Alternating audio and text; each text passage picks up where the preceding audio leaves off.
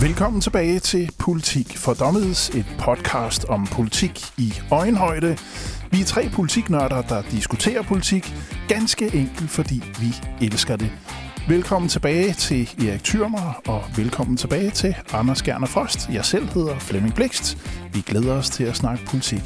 Hej med jer. Er I øh, klar til en øh, ny omgang?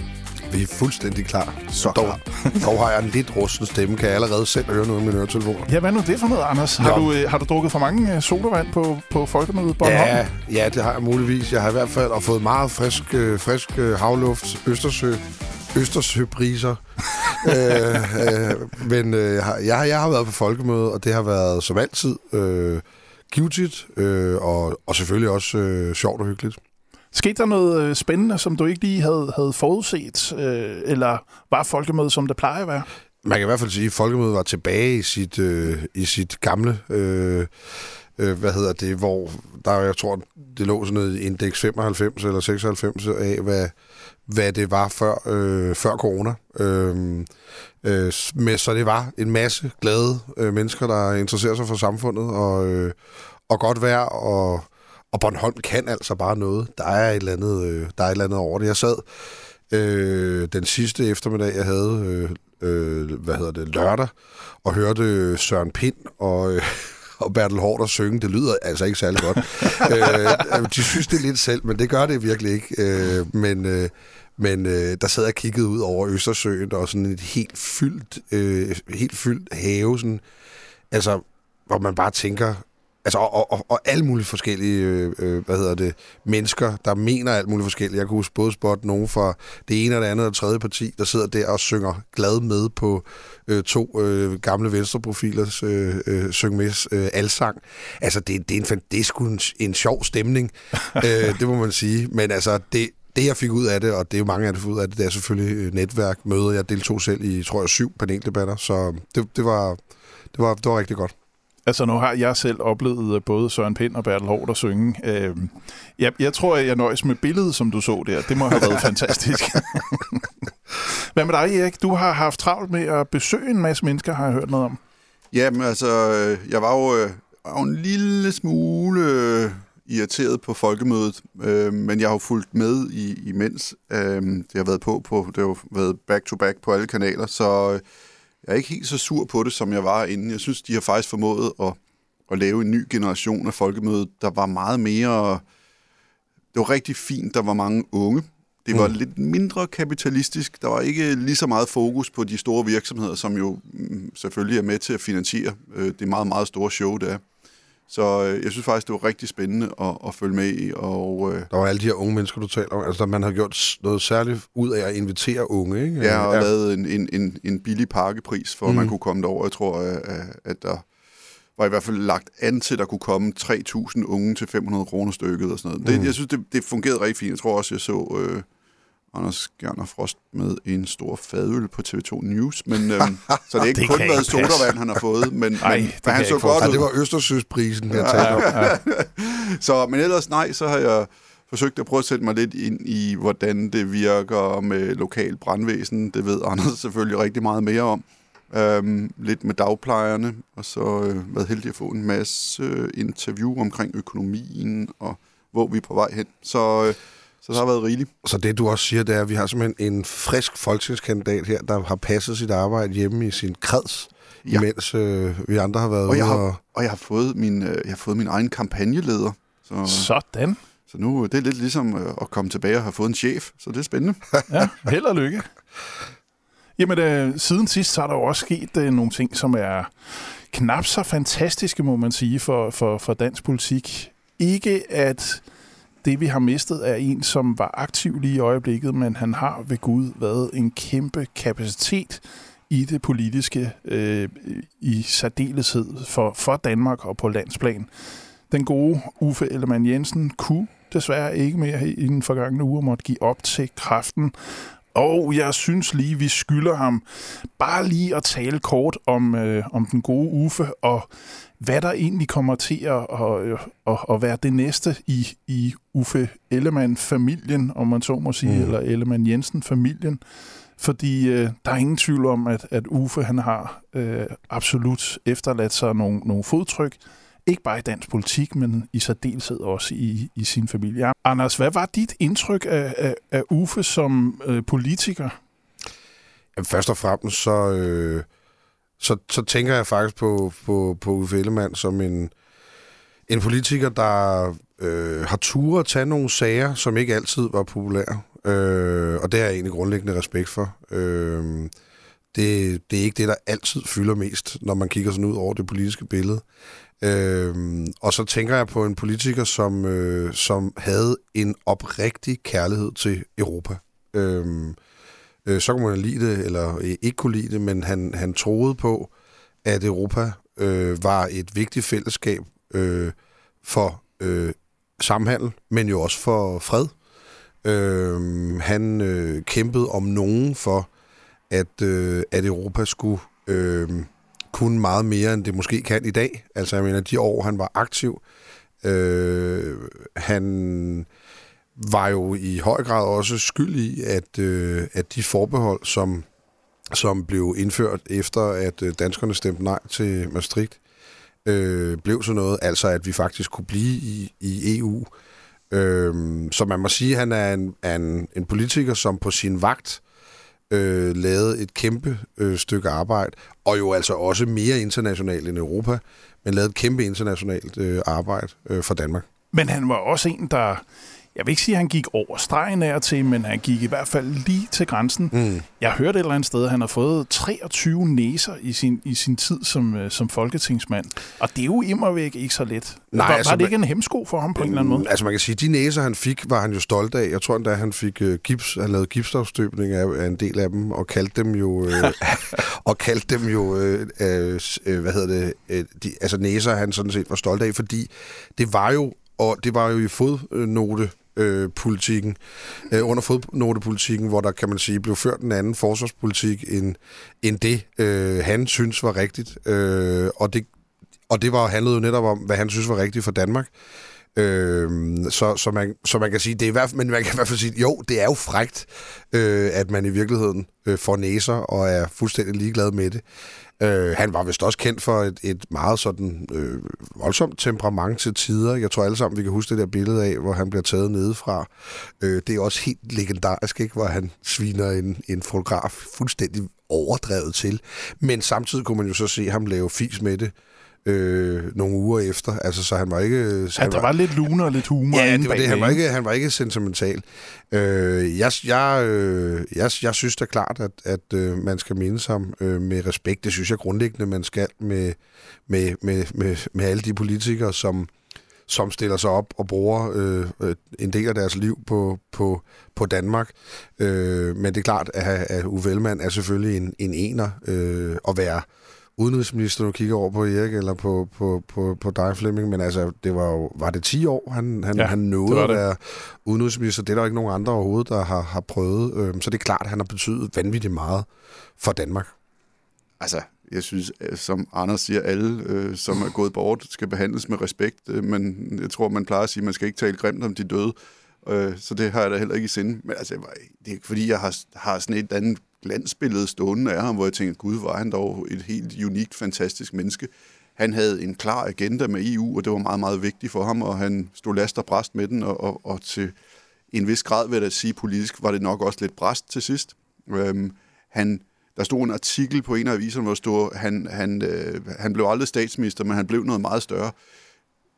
Det synes jeg ikke er rigtigt, øh, men jeg synes, at han, jeg synes i den grad, at han blev en stor tænker sine sidste 10 år. De sidste mm. 10 år, fra mm. 70 til 80, så synes jeg, han har, han har ham og Asger Aumund, den var næsten mine yndlingsmennesker, øh, når de skriver, skriver artikler. Asger og Aumund er forhåbentlig stadig levende. Øhm, så... Og men han behøver så altså ikke at gøre så meget mere til gengæld. Jeg synes, han er fan. Det er gået lidt over kanten. Altså. Men man kan sige, Uffe var jo forbilledet på en ægte politisk håndværker. Altså, det, var, mm. det var det, han kunne. Mm. Han vidste, mm. hvordan man lavede de her aftaler. Han vidste, hvordan man fik tingene til at ske. Ja. Og og Stor synes respekt for det. Og så synes jeg også, nu tror jeg, Anders, at du er et år ældre end mig. Du er født 76, mm, ikke? Jeg er født 77. Det vil sige, at Uffe Ellemann har været aktiv politiker længere end ja, Anders ja, og jeg har levet. Det er, det er jo helt sindssygt ja, at tænke på. Ja. ja, for vi har skulle leve længe egentlig, ikke? Jo, altså, ja, nogle gange føles det lidt sådan.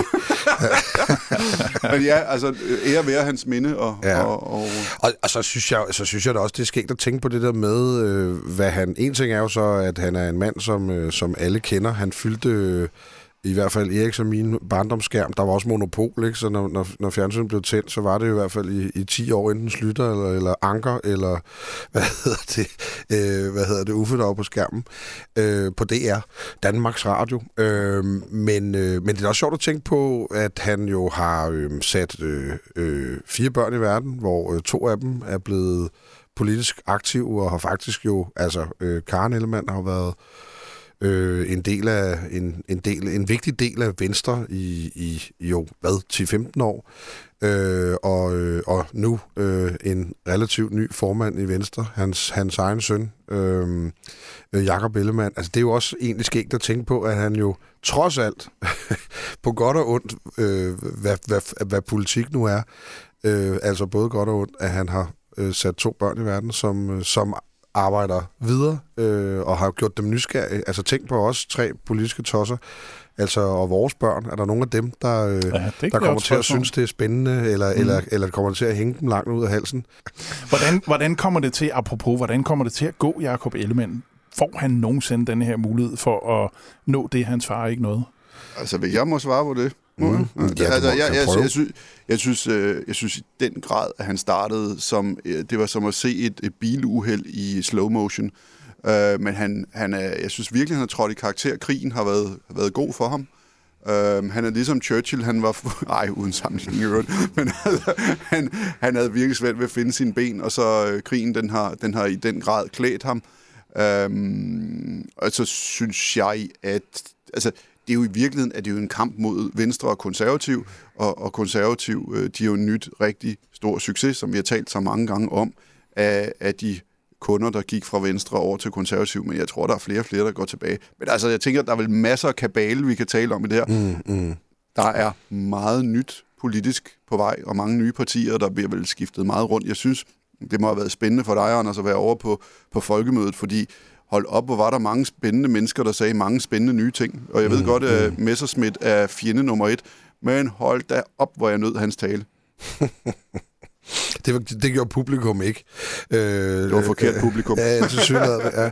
Nej, men, men, øh, men, men, men, men øh, det er da interessant at se, øh, hvordan øh, at Jakob Ellemann kan gøre det efter som, som leder af Venstre. Men, men man tænker da også på, om han kan om han netop kan risikere at få samme skæbne som sin far. Øh, den er stå, hjemme, at stå, den er hjemme, Anders. Ja, at stå med det her store parti, og så alligevel ikke bliver, bliver statsminister. Men, men som jeg ikke siger, det er jo i høj grad et spørgsmål om, hvordan dels jo et folketingsvalg bliver. Bliver der mulighed for et, et borgerligt flertal? Og hvordan bliver de borgerlige så enige om, øh, hvordan man skal komme videre? Men øh, ja, spændende det skal blive spændende at se, hvordan det går for Jakob Ellemann og den øvrige familie, men øh, jeg synes da i hvert fald, at vi skylder Uffe Ellemann og vise ham vores respekt, og tak for den tid, vi havde sammen. Videre til noget helt andet, fordi øh, alle dommedagsprofeter er i gang i øjeblikket med at sige, nu sker det. Nu vælter økonomien sammen. Der er tyske banker, der har udtalt, at hvis ikke Putin lukker mere op for gassen, så falder det hele sammen. Hvis fødevarene de bliver stanset og ikke kommer ud af Rusland, så falder det hele sammen. I det hele taget er der mange, der spår, at økonomien den øh, sejler, og lige rundt om hjørnet, der venter der en stor, tung recession, som vi ikke har set magen i mange år. Men spørgsmålet er, om det er rigtigt. Spørgsmålet er, om det står så galt fat med verdensøkonomien. Selvfølgelig er vi jo ikke vismænd, men øh, vi har ah, måske... Ah. Åh oh, ja, okay, lidt så. Tænk for dig selv, Flemming. Ja, fair nok, fair nok. Men altså, når jeg spørger min kone, er jeg ikke særlig vis, men øh, i andre sammenhæng, der kan vi måske godt diskutere men, det. Men det, det, det spørger Erik og jeg aldrig vores hustru om. Nej, nej. Jeg prøver bare. Det gør, det gør jeg sådan set heller ikke, nej. Anders. Jeg får det bare at vide. Men, men, jeg falder øh, i med tapetet. Til, tilbage til emnet recession. Er den på vej, Erik? Det her er et sindssygt interessant spørgsmål, og noget, jeg har øh, faktisk brugt rigtig mange uger på at, at tænke på. Og det er meget sjovt med hensyn til det her med at have øh, øh, folk øh, omkring sig politisk. Øh, nu hjælper du mig jo også meget, Flemming. Men jeg har jo forudsagt det her i halvanden år, og så nu er det her, og så har jeg sådan lidt, nå, nu er det her, nu er vi færdige med at tale om. Men det er jo nu, jeg rent faktisk skal komme med løsningsforslag med den viden, jeg i hvert fald mener, jeg sidder med. Og det er ikke, fordi jeg skal være et orakel på nogen måde, men jeg har sat mig meget dybt ind i det. Så øh, er der en recession eller en depression på vej? Ja, det er en mulighed. Det kommer helt an på, om Putin lukker for gassen. Han har indtil videre de sidste syv dage lukket 60% ned for gassen til Tyskland. Og her er det vigtigt at have for øje. Over 70 procent af samtlige virksomheder i Centraleuropa, herunder også Tyskland, der bruger virksomheden mere end 50 procent af deres energi kommer fra gassen. Så hvis, hvis, hvis vi selv i EU beslutter os for at lukke for gassen, og eller Putin beslutter sig for det, en af tingene vil nok komme, og det tager jeg simpelthen ud fra en situation, som er, at Putin, øh, Rusland, øh, har relativt stor succes i Ukraine nu, så noget bliver nødt til at give sig. Ja. Vi kan ikke blive ved på den her måde. Han vil, og man har en, indikationer af, at han ikke stopper med Ukraine, som det er nu. Godt. Hvis nu vi lige siger, at vi lukker på den ene eller den anden måde for gassen i, i, i Centraleuropa, så vil det føre Europa ud i en decideret depression. Vi har så en meget volatil, positivt ment økonomi i dag, og derfor vil den sandsynligvis ikke vare meget mere end 12-18 måneder, hvor hvis vi var gået 10-15 år tilbage, så ville den måske vare 5 år. Mm. Samtidig med det, så rammer vi også, og det kan Anders tale mere om, når, når han får lov om lidt, vi rammer også den her depression, skråstreg, recession på en helt ny måde. Altså, vi er meget bedre polstret. Lige nu, der står vi faktisk mellem, om vi skal have en krise eller 29 1932, om det bliver en kartoffelkur, en 2008-krise eller en blød landing. Lige i de her dage, der er det en blød landing med sandsynlighed til en hård landing, fordi at vi ikke ved, om der bliver lukket for gassen. Det er ligesom en vejrudsigt, det kan jeg godt ja. lide. Og, og så det der, er, det, der kan være vores udfordring lige nu, som er det sådan lidt mere nøgtern, det er, at 60 procent af skatteindtægterne i Danmark, de kommer fra små og mellemstore virksomheder og de mennesker, der er ansat i dem. Det er virksomheder med 250 ansatte eller færre. De virksomhed, virksomheder har i snit været ude og belåne sig dobbelt op de sidste tre måneder. Det har jeg så været inde og undersøge med SMV Danmark. Hvorfor er det, at det sker nu? Godt. Der er flere faktorer. Faktor 1. MOQ'erne i Kina er steget kraftigt. Hvad er en MOQ? Det er minimum order quantity. Så det vil sige, Flemming, hvis du vil bestille til din virksomhed x antal sko, så kan du ikke længere bestille 100 par. Du skal nu bestille 300 par. Så er produktionstiden gået op til det dobbelte. Det vil sige, det tager ikke 6 måneder at få dine sko på lager. Det tager nu 12 måneder. Dertil skal så tillægges, at rigtig mange har taget coronalån. De skal tilbagebetales nu. Og så er den sidste faktor, det er de indlandsk producerende virksomheder. De kan ikke få de stumper, de skal bruge på grund af nedlukningen i Shanghai. Så rigtig mange dansk producerende virksomheder, de har kun lavet deres produkter 90% færdige, og vi ser i stigende grad, at man leger landejendommen til at lægge ventilationssystemer og alt muligt underligt ud. Derfor har de danske virksomheder belånt sig meget, meget kraftigt op. Og det er et rigtig skidt tegn og et rigtig skidt tidspunkt. Så vi står øh, og er i en eller anden øh, stagflation, deflation, et eller andet. Det er meget, meget sandsynligt, at inflationen vil stige. Så kan Anders uddybe, hvad sker der, når inflationen stiger? Det er nok noget med renten, der fortsat vil op. Så jeg vil sige, jeg er ikke negativ lige nu, men jeg vil sige, at, at vi skal være opmærksomme på, at der kan være meget hurtigt forandrende situationer foran os. Men lige nu vil markedet op. Vi har fundet en naturlig bund. Aktierne er steget tre dage streg nu det er godt. Og så vil jeg komme med den sidste ting, inden uh, du kvæler mig, Flemming. og det er, at ved I, hvorfor markedet faktisk var ved at cracke her de sidste fire dage? Nu opdagede Anders det ikke, fordi han var over at synge på, på øen. Det er simpelthen, fordi bitcoin har været ved at fælde hele ja. verdensøkonomien. Ja. En bitcoin gik fra 375.000 kroner per bitcoin til 170.000, og i dag 148.000. Men vi glemmer lige alle de andre kryptovalutaer, som er fuldstændig i nul. Og i nat, der blev Kim Kardashian, Matt Damon og øh, Elon Musk, de blev sagsøgt af øh, private borgere, der er gået sammen og sam- sagsøgt hver person i snit for 250 milliarder dollars for at promovere bitcoin. Wow. Så er jeg Det er stille. alligevel en slat sidst på måneden. Ja, Så kan det ja. godt være, at man er nødt til at tømme kontoen. Ja, det, det, det, Erik, jeg, jeg kan ikke lade være med lige at spørge, for sådan en, øh, en, en produktionsvirksomhed af, af værktøjer, som, som du har, øh, Tyrma Tools, hvad har det af konsekvens for, for, en, for sådan den gennemsnitlige produktionsvirksomhed? Det, er jo, det jo, må være svært at få materialer hjem, og, og det hele taget levere det, som, øh, som kunderne gerne vil have. Jamen det er, ja, nu sad jeg lige med Jyllandsposten, hvor vi prøver at lave et stort indlæg øhm, i, med SMV Danmark i dag. Det, det, det er lige, på den ene side, så er det lidt lettere, fordi det er meget in your face, de problemer, der er, så du kan takle dem. Øh, På den anden side kan man sige, jamen altså i vores tilfælde, der har vi besluttet os for at lægge på halvanden års lager til mange af vores store grossister for at kunne klare geopolitiske udfordringer og krig og forsening, forsyningsleveranceproblemer og alt det her. Men øh, hvis vi har en stor grossist, der lige pludselig øh, køber det halve, så har vi altså lager til tre år. Ikke? Altså, så, øh, samtidig med, at vi skal navigere i, at det er jo altså det 10. uge, vi lige er gået ind i, hvor Shanghai har været lukket ned, og vi får 70 procent af alt, hvad vi forbruger i Danmark, det kommer fra Kina. Mm. 70 procent. Så, så der er jo, altså, hvordan navigerer man i det? Det er ligesom at spise en elefant. En bid ad gangen. Ja, det må man sige.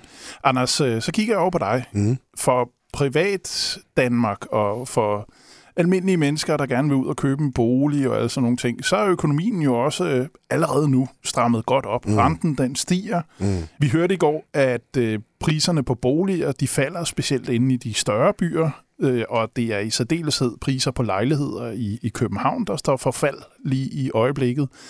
Er hele den side af økonomien også ved at, at få en, en rigtig nedtur? Jamen, der er jo slet ingen tvivl om, at, øh, at det her øh, påvirker øh, boligmarkedet, øh, og det gør det jo lynhurtigt. Det er jo noget af det første, man sådan set kan se reagere, øh, når der er en, en krise i sigte. Øh, og netop også, når der er en krise i sigte, altså før vi måske helt præcis ved, hvad, hvor alvorligt det er, efter Eriks lange og udmærkede analyse, Erik. Øh, hvad hedder det? Øh, men det man jo i hvert fald kan sige i forhold til øh, Eriks forskellige scenarier om, hvordan det her lander, øh, der kan man sige, hvis man isoleret tager boligmarkedet, så er vi i en helt anden situation, vi er i i dag, end i sidste krise, af, af to årsager øh, særligt. Øh, Det ene er, at, øh, at bankerne, kreditforeningerne, er langt mere forsigtige, og har sådan set været det øh, siden. Øh, der var en, en selvrensagelse, vil jeg sige, i den finansielle sektor øh, efter, efter sidste krise. Der er ingen tvivl om, at man har været for, øh, man har været for dygtig til at låne penge ud, øh, sat for lidt krav ud til, hvad det var, man lånte, fik lov at låne penge til, øh, når man lånte penge i sit hus. Ja, vel alene det her med de 5%, man selv skal stille med, det Lige- gør vel en kæmpe forskel, Lige ikke? præcis, det gør det faktisk. Ja. Ikke? Det gør det faktisk. Og, og også kan man så sige endelig det her med, at man så i starten nullerne, øh, at man lavede øh, afdragsfri lån. Altså det var der, øh, de afdragsfri lån kom på banen, og de kom på banen for fulde kraft. Øh, og det gjorde jo, at man fik presset boligmarkedet dengang øh, yderligere op. Øh, så, så man kan sige, at vi er bedre polstret øh, til en krise, men der er ingen tvivl om, at øh, der vil være øh, nogle områder, hvor, hvor priserne øh, vil falde. Hvad de falder, ved vi jo som sagt ikke. Der, det, der gætter vi jo lige så meget, øh, som, som når man gætter på den samlede øh, økonomiske situation. Hvis man tager Nordsjælland, øh, vil der være nogle steder, hvor jeg vil tro, der vil være nogle relativt store øh, fald. Øh, samtidig så vil der være nogle steder, hvor der vil være lidt mindre fald. Og det handler jo om, øh, at man er nødt til ligesom at se hovedstaden. Altså man er nødt til at se det nordsjællandske boligmarked som en del af hovedstads Øh, boligmarked. og der, hvor priserne i Nordsjælland ligger på højde med København, altså Indre København, eller, eller altså øh, tættere på København, både på lejligheder og på villaer, der vil, der vil priserne selvfølgelig falde først. Det er, en, det er en naturlig ting. Men samtidig ser vi faktisk, at priserne øh, i periferien, øh, sådan rundt, rundt om det nordsjællandske, kan man sige, øh, hvor vi blandt andet står lige nu, øh, sådan, altså uden for Hillerød. Og I Slangerup. I Slangerup, Ja. Øh, ja øh, der, vil, der, der, der vil priserne ikke, af mit bud, øh, ikke falde lige så meget, som de gjorde sidst. Så det er for eksempel en by som øh, Hillerød heroppe i Nordsjælland, der, tror der jeg faktisk, står for at, jamen? Hillerød kunne, kunne man godt frygte få, at ville få større øh, prisfald end eksempelvis øh, Helsinge, eller Gilleleje, eller Frederikssund. Øh, og det tror jeg handler om, øh, og Helsingør for den sags skyld, for at, at Hillerød er altså ret godt op i, i, i, i top. Jeg sad lige og prøvede at kigge på, men sådan en relativt almindelig standardvilla i, i Hillerød har jo ligget på en, en 6-7 millioner. Hold da. Øh, altså bare for at sige, altså, så, så, øh, og det, det, er jo, det er jo priser, som nærmer sig nogle af de her øh, omegnskommuner omkring København. Øh, altså kvadratmeterpriser øh, lige omkring København, hvor man måske kan cykle til arbejde, hvis man arbejder midt i byen osv. Ja, det er bare for at sige, så, så ja, øh, det bliver spændende at følge. Jeg, jeg er trods alt øh, så øh, positivt anlagt, at jeg, at jeg er ret sikker på, at det ikke bliver lige så slemt som sidst, men og at man kan sige forholdet med, at bankerne har været mere forsigtige, og at markedet ikke er pustet lige så meget op, øh, gør, at øh, langt de fleste vil kunne komme, komme ud af eksempelvis, og det er jo det, der kan være udfordring, altså skal du sælge dit hus her og nu? Det er jo der, en krise går ondt. Hvis ikke du skal sælge dit hus og, og, og har en fornuftig belåning, er det ikke noget problem. Men hvis du står og skal sælge dit hus, bliver du skilt, dødsfald eller andet øh, alvorligt, øh, så er min forhåbning, at de fleste kan komme ud af det øh, med, med skinnet på næsen, som det, som det ser ud lige nu i vores område. Men vi ved det ikke. Og en sidste ting, jeg godt lige kunne tænke mig at drøfte med, med de her, når vi taler recession, det er forbrugerpriserne, altså priser på madvarer og, og, og andre fornødenheder. Der er nogle befolkningsgrupper, der begynder at have det en smule stramt. Øh, skal regeringen ikke til at komme i gang og gøre et eller andet? Jo, jo, men altså, der har vi jo en regering, der er fuldstændig ligesom Marie Antoinette, øh, inden øh, de hævde guillotinen frem i Paris i 1545. Det er jo, øh, jamen altså, de fattige må bare spise noget kage, altså, hvis de er sultne. Det er jo fuldstændig vanvittigt, det der foregår. Vi har brugt alle de penge, vi har i kassen på alt muligt mærkeligt, som danskerne ikke har været med til at, at beslutte. Og nu er det eneste, man kan gøre, det er, at man slår ud med armene fra regeringens side og siger, der er ikke flere penge, vi kan ikke hjælpe. I Tyskland der har man sat øh, momsen ned på fødevarer til 5%.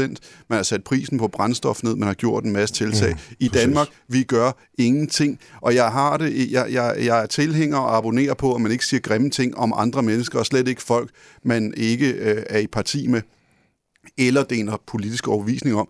Men jeg har det virkelig sådan med regeringen nu. Vil I ikke godt bare stoppe med at skrue på de knapper? De skruer på alt, og alle knapper, de kan komme i nærheden af i øjeblikket. Og hvis man har drevet virksomhed eller driver virksomhed, og det ved du også, Anders, man må altså kun skrue en lille smule en gang imellem, og så lige se udfaldet.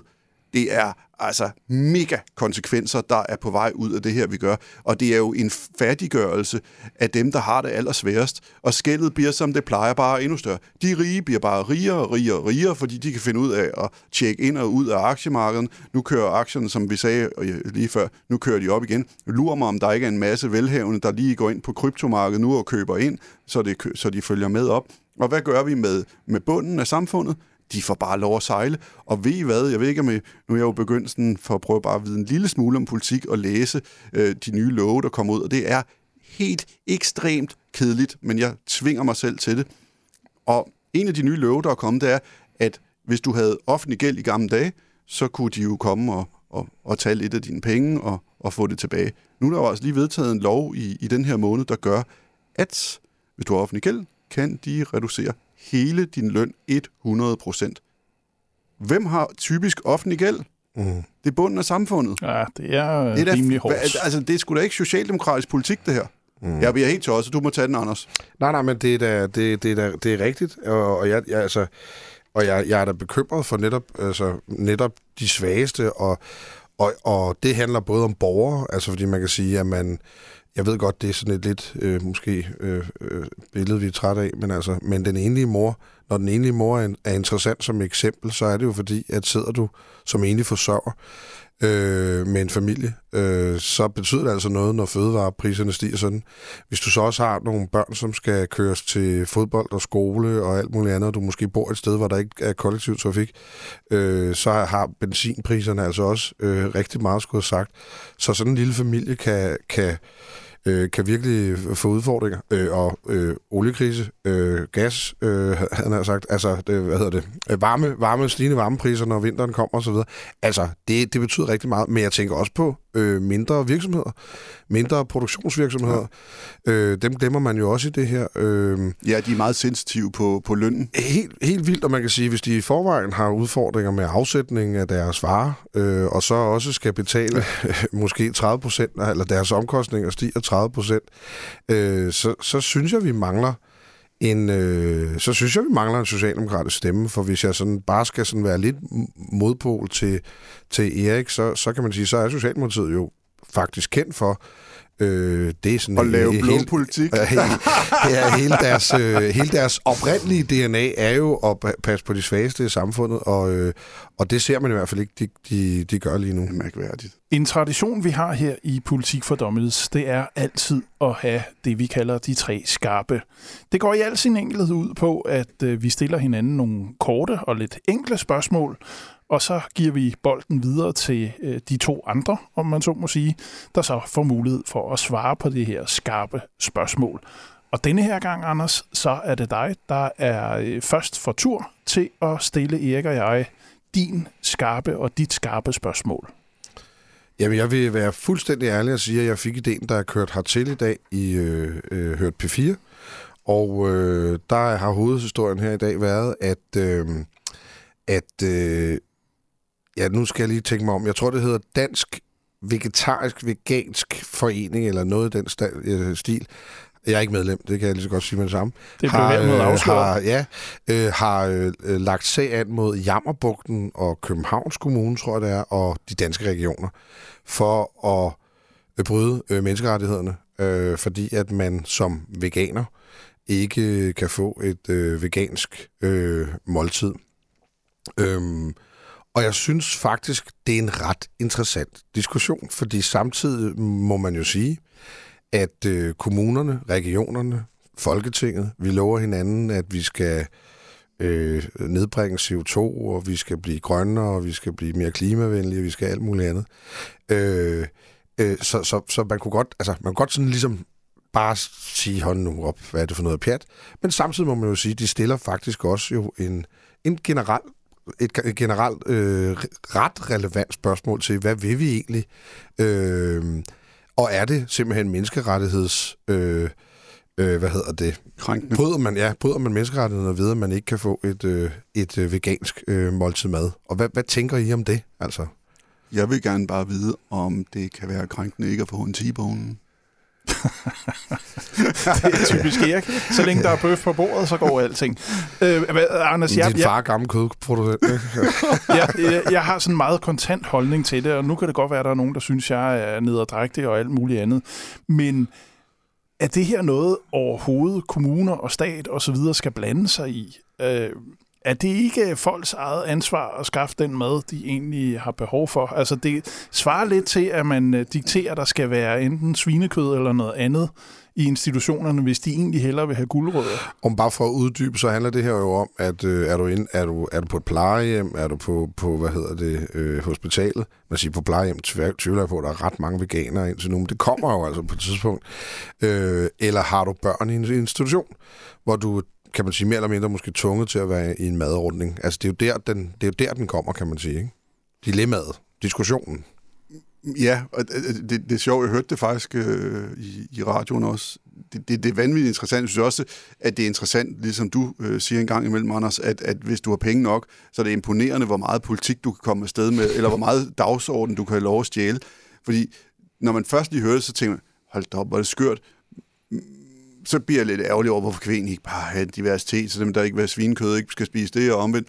Men der var så en meget øh, interessant dame, der udtalte sig her i dag øh, om, øh, om, om simpelthen, hvordan at, at der er regler og normeringer for, hvordan man gør, fordi som hun sagde, jeg tror, hun havde en større børnehave, hun, hun ledte, hvor hun sagde, men det ville da være super fedt kun at skulle, skulle lave vegansk, det er meget lettere for os. Men, men hun sagde, det er jo i virkeligheden, er det byråkratiet, der gør, at det ikke kan lade sig gøre. Så, så jeg, jeg, jeg, jeg, jeg synes, den er svær, fordi den, altså, i virkeligheden skulle vi jo alle sammen bare have lige ret til at gøre det, vi har lyst til. Men det er jo blevet meget, meget kompliceret det hele. Ikke? Og jeg tror til syvende og sidst, så har det her noget at gøre med økonomi. Altså, det er dyrere at være veganer, end det er at lave alt muligt andet mad. Men jeg kunne da egentlig godt tænke mig, Flemming, at høre, altså, Anders, du om nogen her ved, ved, ved borgerne må da netop vide, hvordan det er at sidde og, og, og altså som, som tidligere borgmester og mm. viceborgmester. Mm. Hvordan? Jamen, jeg tænkte, det, jeg tænkte på, det var, hold da op, hvor vi også bare, øh, altså, hvor, hvor lever vi, selvom vi lever i et lille land med 5 millioner mennesker, så lever vi godt nok også i et land, hvor, hvor vi er forskellige. Ja. Altså, jeg tror, hvis man stillede det forslag i Kipskov Byråd, eller i Hillerød, øh, eller, ja, måske, måske mere Hillerød end Gribskov, men altså, så, så, øh, så tror jeg simpelthen, man vil blive buet ud. Altså, altså, hvis man stillede forslag om, at der skulle være valgfri veganermad, eller for den sags skyld øh, halalslagtet kød, eller altså, det fylder ikke ret meget øh, hos os. Det har ikke været noget problem, og jeg tror i virkeligheden, der hvor der har været madordninger, der får man det løst, altså stille og roligt, uden at gøre noget større ud af det. Øh, men altså, stillede du forslaget i, i Københavns borgerrepræsentation, så, så, så tror jeg, at der vil være klapsalver. Altså, så, så vi lever også i en, i en, i en mærkelig tid, øh, men, men godt nok også altså, i et land, hvor vi, selvom vi er så lille et land, godt nok er forskellige. Men vil, men vil Københavns Kommune reelt have råd til det her? Jeg, jeg ved det ikke. Jeg tror, altså nu øh, har jeg aldrig selv øh, stået for kosten på, på i, i et dagtilbud. Kun ja, et mindre dagtilbud med mine fire børn og, og venner og kærester og alt muligt andet. Men ja, øh, altså, jeg tror i virkeligheden sagtens, du kan lave grøn mad, øh, som, som ikke er dyre. Altså, øh, øh, men, men det er klart, du skal tænke nogle andre ting ind. Men altså, altså bønder, bønder er altså billige, Flemming. Så det er bare at komme i gang. Det kender jeg ikke noget til.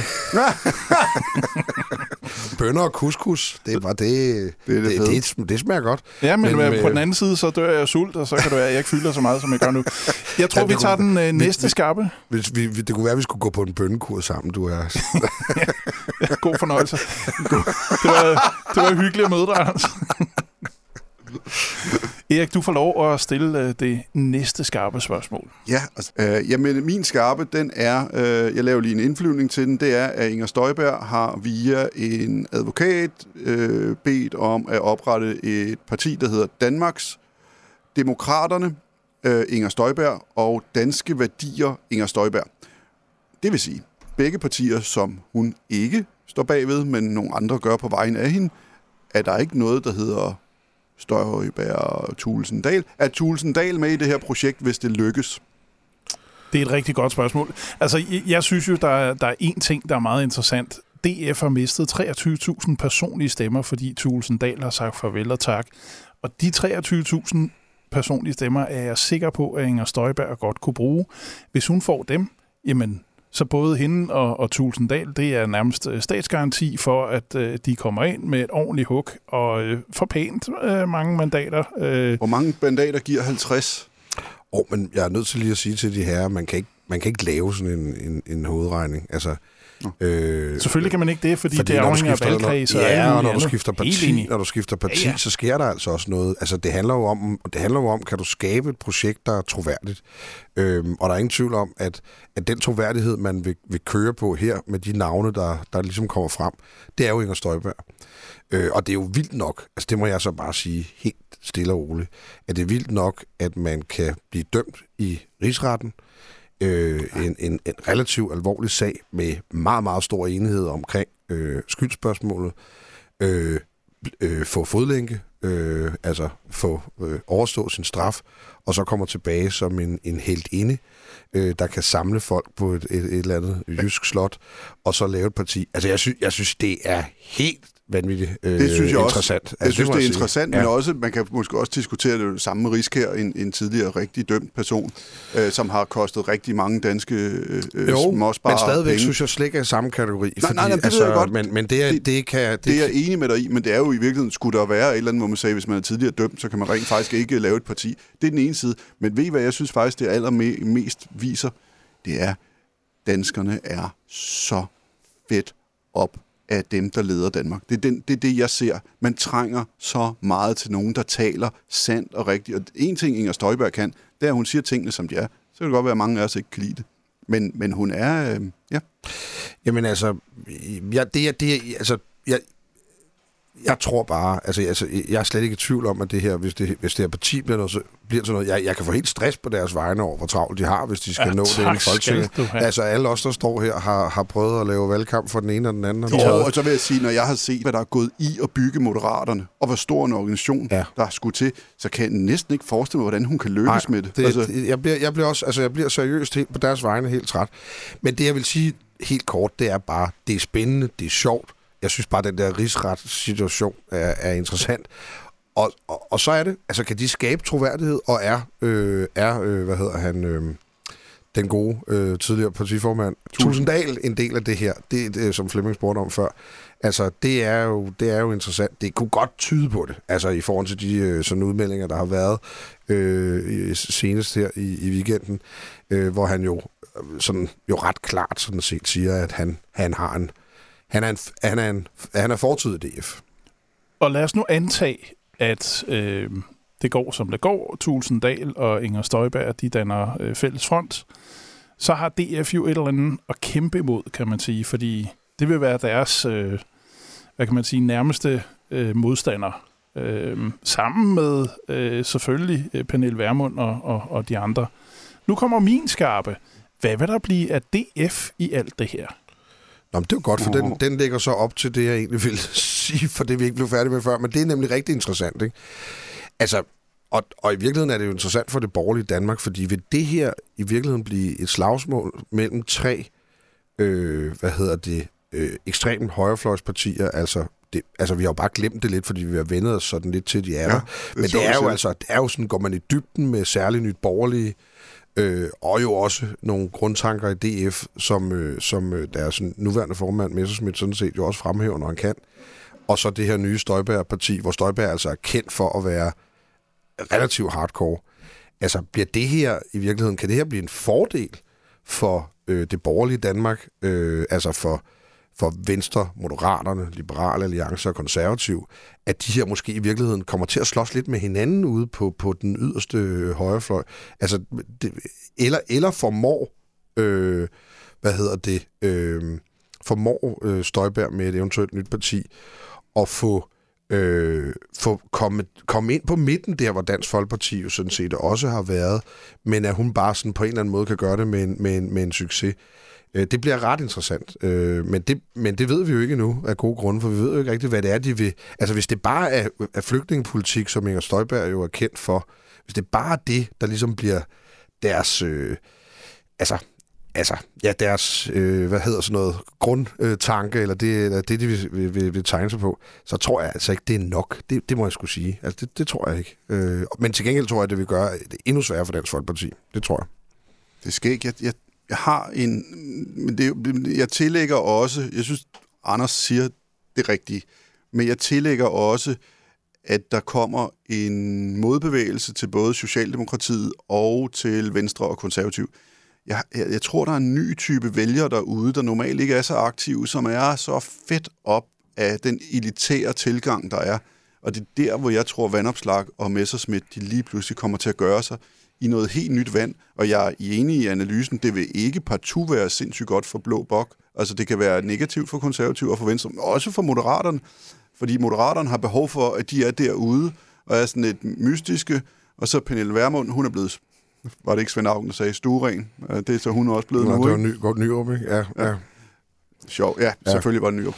Øhm, og øh, jeg tror, vi underkender den power, der ligger urealiseret potentielt i DF, urealiseret potentielt i øh, Liberal Alliance, og det er 100% på grund af vandopslag, men især hos Pernille Vermund i Nye Borgerlige. Ja. Jeg tror, der er så mange, der ikke vil sige, de stemmer på hende. Og det tror jeg, jeg tror også Moderaterne kan overse, at hun bliver en magtfaktor. Vi så det jo faktisk her ved seneste kommunalvalg. Nye Borgerlige kom ind flere forskellige steder, og også i Gribskov for den sags skyld. Ja, det er rigtigt, men, men man kan så sige, hvis man kigger på, ven, øh, på vælgervandringer, altså der, hvor Dansk Folkeparti virkelig gjorde en, en forskel i dansk politik, øh, og jo dengang øh, sikrede Lars Lykkes anden øh, periode som, som statsminister, der øh, Dansk Folkeparti bliver Danmarks øh, næststørste parti efter Socialdemokratiet, men altså Danmarks største borgerlige parti, der er det jo, fordi de formår at få vælgerne til at vandre over midten. Øh, og der kan man sige, øh, der, har, der har Mette Frederiksen jo faktisk formået at få en del af dem tilbage i, ja. i Socialdemokratiet, og det ser, som meningsmålingerne ser ud lige nu, så holder det jo. Ja. Øh, så, så det, derfor er jeg sådan lidt, at jeg, jeg er meget i tvivl om, hvor, hvor meget det her kommer til, et eventuelt støjpærparti kommer til at, at, at, at betyde, fordi de skal altså ind og kunne få nogle af de vælgere tilbage fra Socialdemokratiet, hvis det skal blive en succes. Jamen, det er jeg enig med dig i. Men det kan være, at vi er meget klogere næste gang, vi ja. mødes, for der kommer til at ske nogle jeg spændende mig. Jeg glæder mig allerede. Det her, det var, øh, det var sådan set alt, hvad vi nåede i Politik for Dummies for i dag. Tak fordi du lyttede med. Husk at lytte til os der, hvor øh, du hører podcast. Fortæl det til dine venner, hvis du synes, at det her podcast er en god idé. Du hører os også på Mix FM, specielt i morgenprogrammet Mix Morgen, som er der hver hverdagsmorgen mellem 6 og 9. Tusind tak for nu. Vi høres ved.